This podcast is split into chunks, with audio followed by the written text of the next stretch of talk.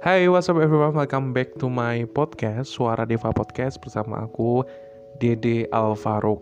Buat kamu yang baru bergabung di podcast aku, aku harap kamu selalu bahagia dan selalu dilindungi oleh Tuhan Yang Maha Esa ya. Amin. Hari ini aku pengen membahas mengenai persoalan insomnia nih teman-teman. Atau simpelnya itu tuh susah tidur ya. Bener nggak? Sering banget denger kata itu aduh aku insomnia nih gitu kan. Teman-teman aku dari yang ngomong langsung sampai update status di WhatsApp. Itu sering banget loh. Kalian pernah juga nggak dapet temen yang kayak gitu? Nah sebenarnya faktornya apa sih gitu kan? Aku membaca artikel dari Halodoc nih untuk hari ini mengenai insomnia. Faktanya Sebelumnya aku jelasin secara pengertian dulu nih. Insomnia merupakan kondisi ketika seorang mengalami kesulitan tidur. Gangguan tidur ini membuat dirinya tak memiliki waktu tidur yang dibutuhkan tubuh. Hal tersebut menyebabkan kondisi fisik pengidap insomnia menjadi tidak cukup fit untuk melakukan aktivitas keesokan harinya. Bener banget ya, karena biasanya kalau aku lihat teman-teman aku, aduh aku insomnia gitu kan. Eh taunya jam berapa dia update gitu kan. Taunya tuh jam 4 4 pagi gitu kan aduh itu udah tinggal sebentar lagi udah mau pagi nih itu biasanya aku temukan di teman-teman aku atau mungkin kalian juga um, pernah mengalaminya insomnia yang kalian rasakan. Tapi sebelum um, aku bahas terlalu panjang, apakah yakin kalian itu insomnia atau sebenarnya memiliki gangguan? Nah, ini yang perlu banget diperhatikan. Sebelumnya aku pernah bahas mengenai kiat-kiat tidur nyenyak di episode berapa ya. Kalian scroll aja ke bawah, itu ada kiat-kiat tidur nyenyak. Ini sebenarnya bisa membantu teman-teman untuk ya minimal um, oke, okay, gue tuh mau tidur. Jadi gue tuh harus mem memposisikan diri untuk tidur. Um, aku garis bawah ini. Aku garis bawahi mengenai sebenarnya kalian insom atau kalian tuh main handphone jadinya kalian insom gitu kan. Sebenarnya prinsip tidur yang aku ketahui dari kiat-kiat tidurnya itu itu tuh benar-benar uh, mencoba merefleksikan diri kita untuk oke, okay, gue tuh mau tidur ya. Janganlah, jangan main handphone gitu kan. Jangan main handphone. Gue garis bawahi lagi. Permasalahan yang mungkin kalian hadapi tentang insomnia kalian adalah gara-gara handphone atau gadget. Mungkin nanti di bahasan yang selanjutnya dalam bahasan ini akan menyangkut beberapa bahasan kenapa orang-orang bisa insom. Tapi um, aku berpikir bahwasanya jangan-jangan kalian insom gara-gara handphone. Bisa nggak? Bisa lah. Karena apa? Karena kebiasaan kita untuk mengecek handphone itu cukup um, apa ya? Cukup pengen ngecek terus gitu loh. Jadi pengen main handphone terus. Nggak um, ada waktu spare untuk ya udahlah aku mau tidur gitu kan. Um, ya udah handphonenya ditaruh aja gitu. Susah ya. Atau bahkan kayak aku juga mungkin kadang dengerin musik sambil tidur. Aduh itu kadang bikin otak jadi bekerja lagi. Jadi otak tuh ternyata atau tubuh kita akan menghasilkan sebuah hormon yang um, apa ya aku lupa namanya. Nanti dikoreksi ya teman-teman. Kemarin aku nonton TV dan di salah satu cuplikannya itu menyebutkan bahwasanya tubuh akan menghasilkan hormon yang bisa membuat ngantuk. Jadi ketika teman-teman menggunakan gadget untuk um, ya udahlah nanti ya bisa tidur lah main handphone ketiduran gitu kan. Ternyata itu kayak membuat otak itu bekerja lagi nih yang seharusnya tubuh menghasilkan hormon untuk membuat kita ngantuk jadi enggak karena otak kita dibuat untuk berpikir lagi bekerja terus gitu loh jadinya mungkin itu yang bikin kamu insomnia bener nggak Kalau bener di follow dulu Spotify-nya. Aduh, promosi lagi nih. Nah, lanjut nih. Uh, menurut Halodoc ini apa ya? Dijelaskan bahwasanya ya memang tidur merupakan keadaan tidak sadar yang terjadi secara alami. Untuk memungkinkan tubuh beristirahat saat tidur, tubuh akan melalui siklus yang bergantian antara tidur gerakan mata yang cepat dan tidur non gerakan mata yang cepat. Seseorang mungkin akan melalui 4 atau 5 siklus tidur dalam satu malam. Satu siklus tidur berlangsung kurang lebih selama 90 menit. Siklus ini diawali 4 tahap tidur. Yang mana tidur non REM. Terdiri dari tidur ringan sampai tidur dalam, lalu dilanjutkan dengan tidur REM dan di tahap inilah proses mimpi terjadi. Nah, faktor risiko insomnia terdapat beberapa faktor nih yang bisa meningkatkan risiko seseorang untuk mengalami insomnia. Antara lain nih, menurut Halodoc, masalah mental seperti depresi, gangguan kecemasan hingga gangguan stres pasca trauma atau PTSD. Bekerja shift pekerjaan seperti ini bisa mengubah jam biologis tubuh. Nah, biasanya uh, optimalnya tidur itu berapa sih gitu ya? Biasanya kita dengar 8 jam. Dimulai dari jam berapa nih? Jam 9 mungkin ya. 10, 11, 12, 13, 14, 15, 16, 17 sorry salah ya dari yang 13 sampai 17 itu 1 2 3 4 5 jadi um, tidur ketika dari jam 9 itu sampai 8 jam itu sampai jam 5 gitu kan ya sebelumnya mungkin eh, yang ibadah sholat bisa bangun lah ya. Jangan kayak saya kadang susah untuk aduh jadi buka aib sendiri. Nah ternyata jenis kelamin juga bisa mengakibatkan insomnia nih. Resiko gitu kan resiko insomnia. Ketika menstruasi tubuh akan mengalami perubahan hormon. Kondisi ini menimbulkan gejala hot flasher atau keringat di, di malam hari sehingga menyebabkan gangguan tidur. Usia juga insomnia meningkat seiring dengan bertambahnya usia. Bahkan ketika kita perjalanan jauh melakukan perjalanan jauh kadang kita jet lag karena melintasi beberapa zona waktu juga bisa memicu insomnia nih. Nah, penyebab insomnia ini ada beberapa faktor penyebabnya di mana insomnia yang akan uh, berujung kepada kondisi sulit tidur pada jangka waktu yang cukup lama, mulai dari akibat gaya hidup dan masalah kenyamanan ruang kamar hingga akibat gangguan psikologi, masalah kesehatan fisik dan efek samping dari obat-obatan.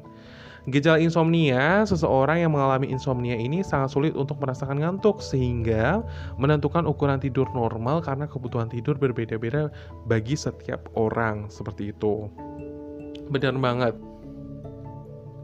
Jadi ukuran tidur masing-masing orang tuh berbeda. Jadi um, dipengaruhi oleh dengan usia gaya hidup lingkungan dan pola makan nih. Nah, gejala-gejala insomnia yang paling umum terjadi di antaranya adalah sulit untuk merasakan ngantuk dan tidak bisa tidur seperti itu seperti kayak terbangun dalam malam hari atau dini hari dan tidak bisa tidur kembali. Merasa lelah emosional emosional sulit berkonsentrasi dan tidak bisa melakukan aktivitas secara baik pada siang hari. Biasanya hmm, kalau aku sendiri sih kalau terbangun di malam hari itu emang ya kadang susah-susah gampang untuk kembali untuk tidur gitu loh. Ya udahlah main handphone gitu. Aku pernah banget kalau misalnya kebangun jam mm, 2 gitu ya jam 2 itu tuh antara mau tidur lagi apa ngecek handphone? Aku milih ngecek handphone gitu loh. Tahu-tahu udah jam 4 gitu kan. Jam 4 ya udahlah tidur gitu kan. Itu sebenarnya kan agak salah ya teman-teman. Kita nggak tahu nih maksudnya ya udah namanya istirahat ya istirahat namanya main handphone ya main handphone atau main-main yang lain gitu kan. Coba kita fokus dulu dengan ya istirahat gitu kan.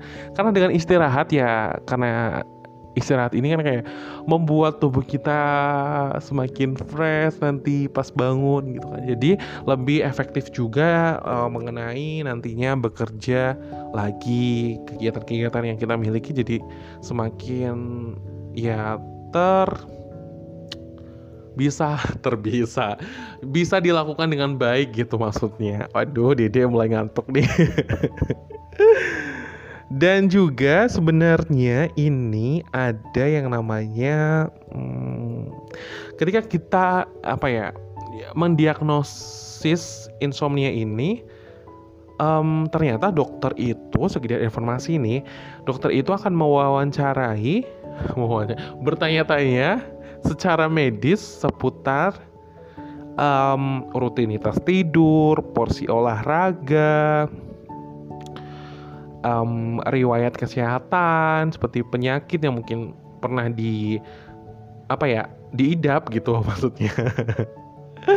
Ataupun obat-obatan yang mungkin dikonsumsi nih dari penjelasan tadi um, kita harus ya kalau ditanya dokter ya harus jujur aja ya. Dokter kan bias, biasanya mendiagnosis dari ke, um, ucapan yang kita berikan gitu loh. Baik kalau misalnya gaya hidup kita yang buruk misalnya kebiasaan minum kopi jajan-jajan kopi fast food. Itu gue banget anjir. Atau minuman aduh kalau minuman keras sih aku enggak ya. Ya banyak yang soda banyak minum soda gitu mungkin ya. Dan juga apa ya ini ya meminta Oh, ternyata dokter juga akan meminta membuat buku harian tidur nih minimal selama dua minggu. Langkah ini bisa membantu dokter memahami pola tidur nih, mengukur tingkat keparahan insomnia yang dialami. Wow, ternyata ya sedalam itu. Aduh, untungnya aku bisa untuk memulai um, di episode yang kiat-kiat tidur nyenyak itu. Coba deh teman-teman cek episode itu. itu episode yang ya mungkin bisa mencoba melatih ya melatih yang sebelumnya mungkin insomnia parah banget nih karena mungkin deadline karena biasa mahasiswa deadline kerjanya. Atau bahkan mikir keras tentang ups skripsi proposal. Jadinya selalu tidur selalu tidur malam dan jadinya insomnia gitu bisa aja nih dan juga beberapa informasi yang harus dicantumkan dalam buku harian tidur itu biasanya meliputi waktu yang dibutuhkan untuk bisa tertidur terlelap, pukul berapa kira-kira mulai tidur, berapa kali terbangun di malam hari, dan pukul berapa uh, teman-teman terbangun nih. Nah, informasi yang lengkap itu akan membantu dokter menangani insomnia secara cepat. Seperti itu, teman-teman. Dan juga dilansir dari Halodoc ini, komplikasi insomnia ini uh, memiliki banyak keistimewaan bagi tubuh. Seperti um, ini apa ya? Aku aku susah baca ya, agak jauh soalnya. Sebentar. Mulai dari kesehatan fisik hingga psikis nih, insomnia juga yang dibiarkan tanpa penanganan ber, dan berlangsung lama ini bisa menimbulkan berbagai masalah lainnya mulai dari menurunkan produk mulai dari menurunkan produktivitas dan konsentrasi, gangguan kesehatan mental hingga memperburuk penyakit kronis seperti tekanan darah tinggi dan penyakit jantung nih teman-teman. Nah, pengobatan insomnia ini dalam mengobati insomnia, hal yang pertama dilakukan oleh dokter adalah mencari tahu apa ya penyebabnya gitu kan dari wawancara seperti tadi. Nah, dokter akan mencari tahu nih penyebabnya itu apa. Jika insomnia didasari oleh kebiasaan atau pola hidup tertentu yang tidak sehat, maka dokter menyarankan untuk memperbaikinya. Dan jika insomnia disebabkan oleh gangguan kesehatan, misalnya gangguan kecemasan, maka dokter akan terlebih dahulu mengatasi kondisi yang mendasari rasa cemas tersebut. Hmm, ya mulai dalam ya bahasanya. Tapi kalau misalnya masih simpel-simpel aja seperti gangguan karena um, pola hidup kita yang tidak sehat, kita bisa tangani ya insya Allah ya. Tinggal teman-teman cari informasi aja gitu mengenai bagaimana pola, bagaimana penanganan uh, dari insomnia tersebut. Kalau misalnya udah sedalam itu atau bahkan mungkin karena pola hidup tidak ini teman-teman pengen ke dokter ya nggak apa-apa gitu kan. tapi biasa sayang duitnya ya jadi kita mencoba untuk diagnosis sendiri gitu loh tapi kadang kalau diagnosis sendiri kan nggak akurat ya bolehlah ke dokter aja kali ya teman-teman daripada insomnia-nya terlalu berlarut-larut Dalam beberapa kasus insomnia, dokter akan menyarankan agar menjalani terapi perilaku kognitif nih. Terapi ini bisa membantu untuk mengubah perilaku dan pola pikir yang mempengaruhi tidur dari pasiennya. Andaikan dianggap perlu, tak menutup kemungkinan dokter akan meresepkan obat tidur untuk beberapa waktu. Namun obat tidur ini merupakan solusi yang bersifat sementara saja. Hal ini perlu digarisbawahi, penanganan insomnia jarang berhasil bila tak mencari solusi dari akar penyebabnya. Seperti itu. Nah, biasanya kapan nih teman-teman bertanya, kenapa kak eh Kapan harus ke dokter? Nah, bila gejala insomnia semakin mengganggu aktivitas di pagi dan siang hari, segeralah temui dokter. Tujuannya untuk mendapatkan penanganan dan saran yang tepat. Seperti itu. Nah, tips dari aku nih, karena kurang tepat ya, aku nggak ngasih apa-apa dari tadi. tips dari aku, uh, lebih baik kalian tuh setel alarm sih di handphone.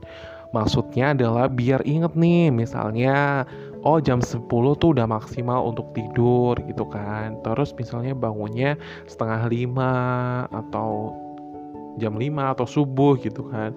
Jadi teman-teman udah tahu flow-nya nih udah tahu alurnya untuk misalnya menangani insomnia yang dirasa mengganggu banget untuk teman-teman beraktivitas di pagi harinya gitu kan. Jadi yang tahu diri kita kan diri kita sendiri ya. Jadi kalau misalnya dirasa pengen butuh penanganan dari dokter, kenapa enggak? Tinggal hubungi aja konsultasi dengan dokter.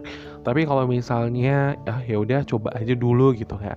Coba aja dulu nggak apa-apa sih kalau menurut aku ya.